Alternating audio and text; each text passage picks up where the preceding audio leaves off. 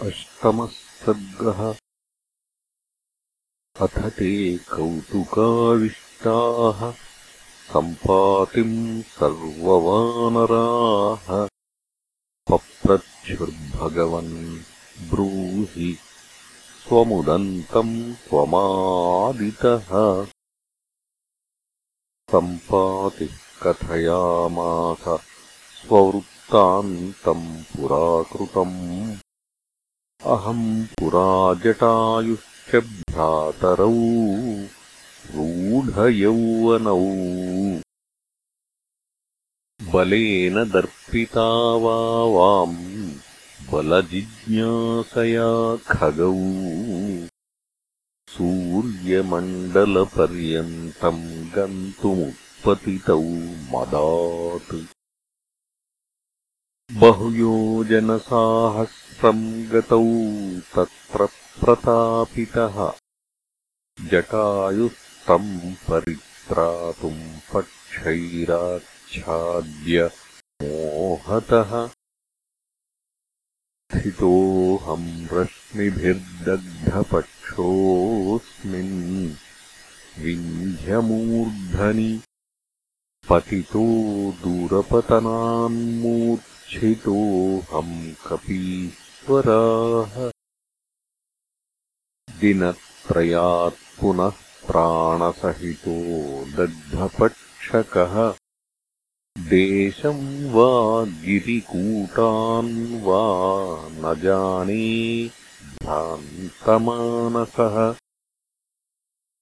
शनैरुन्मील्यनयने दृष्ट्वा तत्रा क्रमम् शुभम् शनै शनैराश्रमस्य समीपम् गतवानहम्।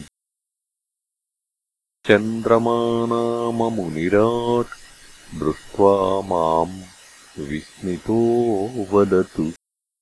सम्पाते किमिदम् तेऽद्य विरूपम् केन वा कृतम्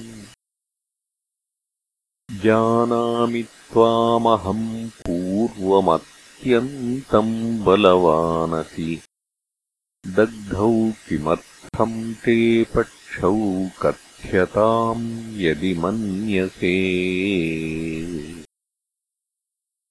ततः स्वचेष्टितम् सर्वम् कथयित्वातिदुःखितः। अब्रुवम् मुनिशार्दूलम् दह्येऽहम् दाववह्निना। कथम् धारयितुम् शक्तो विपक्षो जीवितम् प्रभो? इत्युक्तोऽथमुनिर्वीक्ष्य माम् दयाद्रविलोचनः शृणुवत्सवचो मेद्य श्रुत्वा कुरु यथेप्सितम्।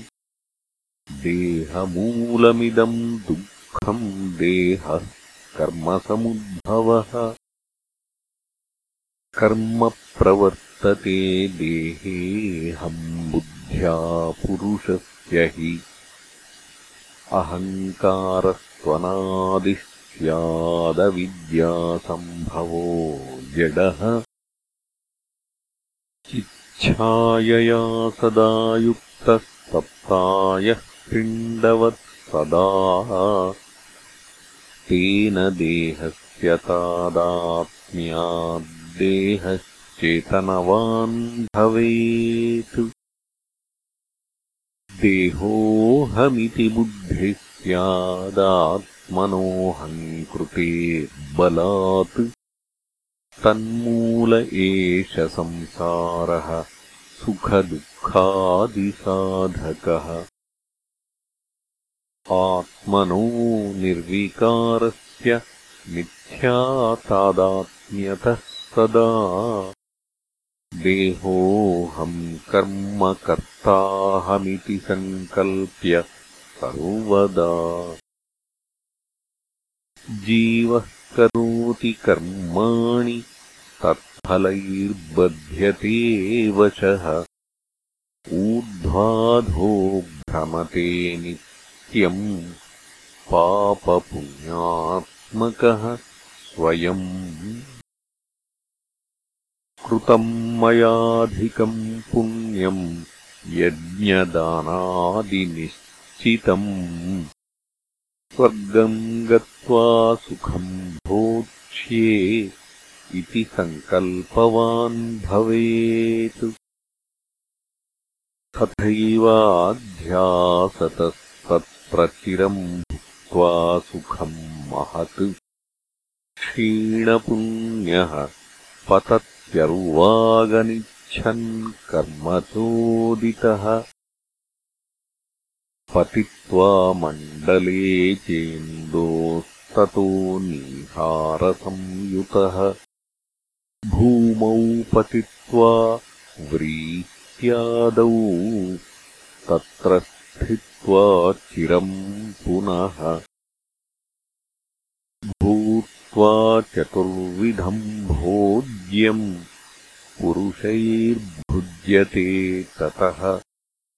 प्रेतो पुनस्तेन श्रुतौ स्त्रीयोनिसिञ्चितः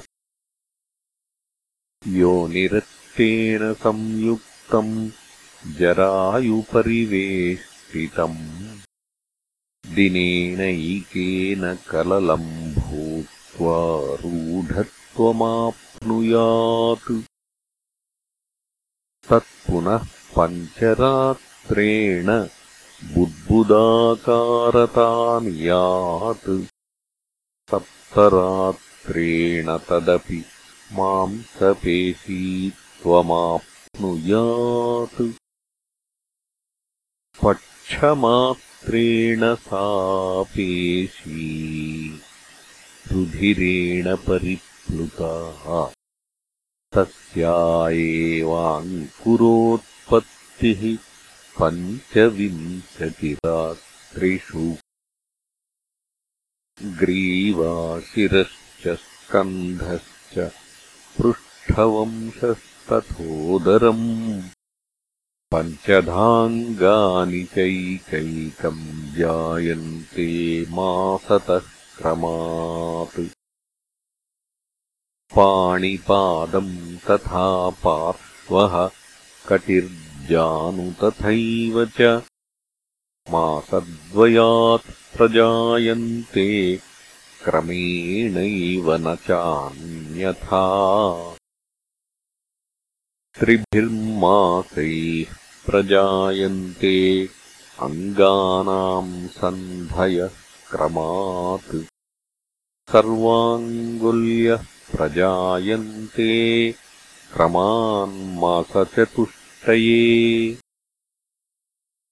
नासा कर्णौ च नेत्रे च जायन्ते पञ्चमासतः दन्तपङ्क्तिर्नखा गुह्यम् पञ्चमे जायते तथा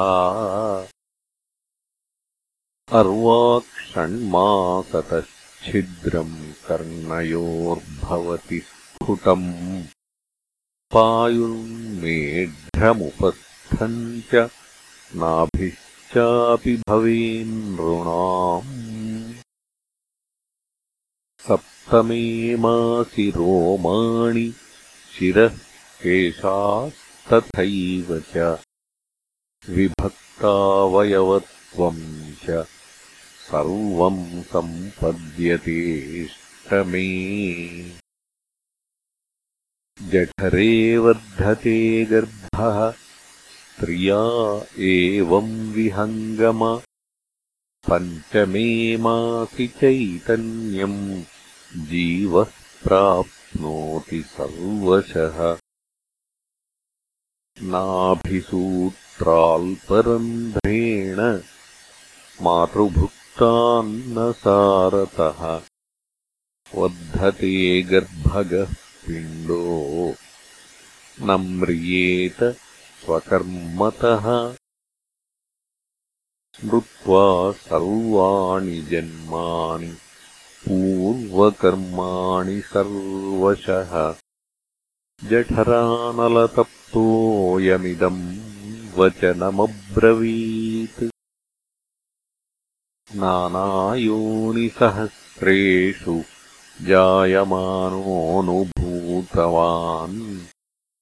पुत्रदारादिसम्बन्धम् कोटिशः पशुबान्धवान्।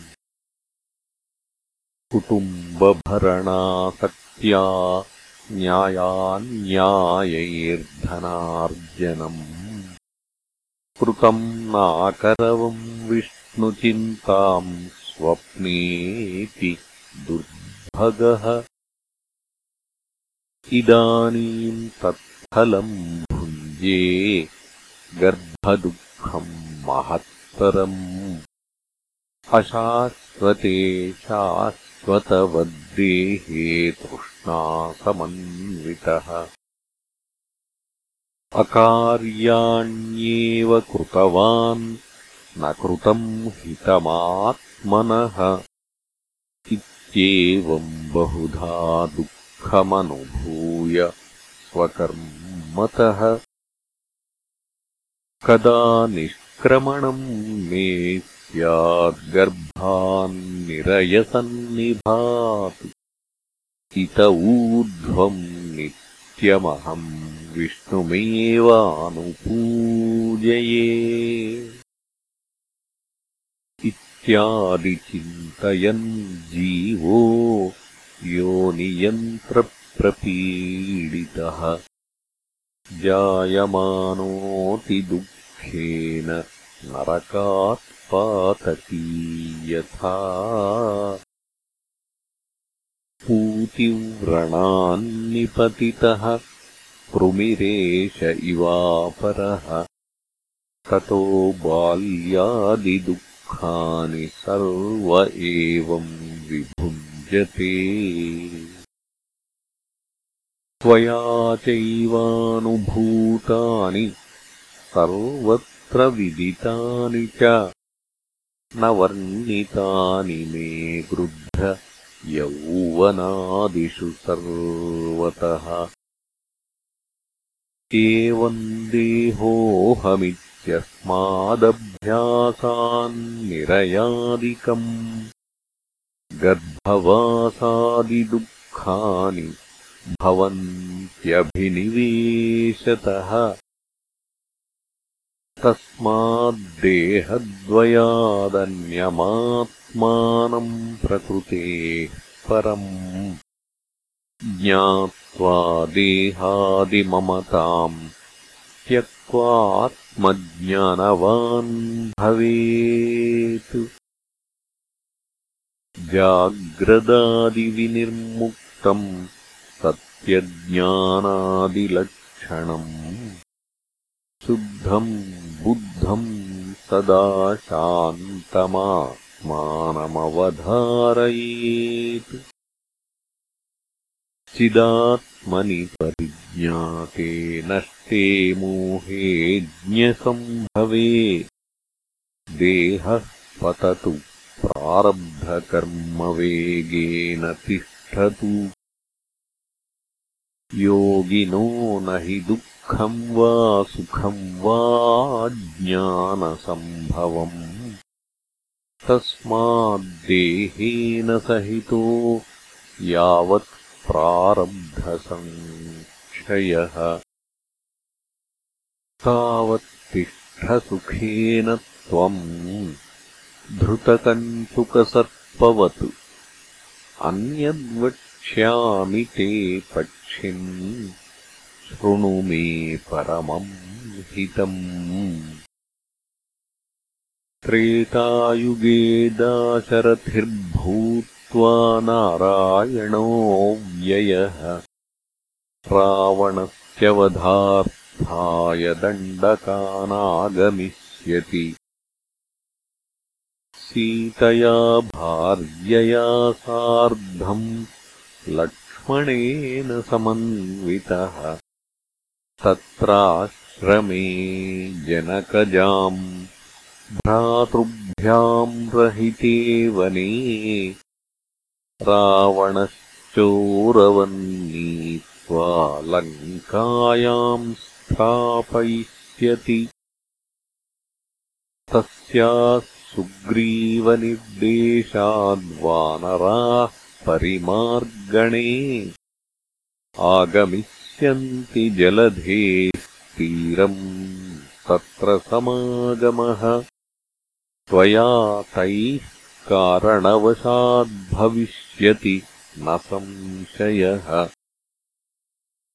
तदा सीतास्थितिम् तेभ्यः कथयस्व यथार्थतः तदैव तव पक्षौ द्वा उत्पत्स्येते पुनर्नवौ। सम्पातिरुवाच बोधयामास माम् चन्द्रनामामुनिकुलेश्वरः। पश्यन्तु पक्षौ मे जातौ नूतनावतिकोमलौ स्वस्ति वोस्तु गमिष्यामि। सीताम् द्रक्ष्यथ निश्चयम् यत्नम् कुरुध्वम् दुर्लङ्घ्यसमुद्रस्य विलङ्घने यन्नामस्मृतिमात्रतोपरिमितम् संसारवाराम् निधिम् तीत्वागच्छति दुर्जनोऽपि परमम् विष्णोः पदम् शाश्वतम् तस्यैव स्थितिकारिणस्त्रिजगतो रामस्य भक्ता प्रिया यूयम् किम् न समुद्रमात्रतरणे शक्ताः कथम् वानराः। इति श्रीमदध्यात्मरामायणे उमामहेश्वरसंवादे किष्किन्धाकाण्डे अष्टमः सर्गः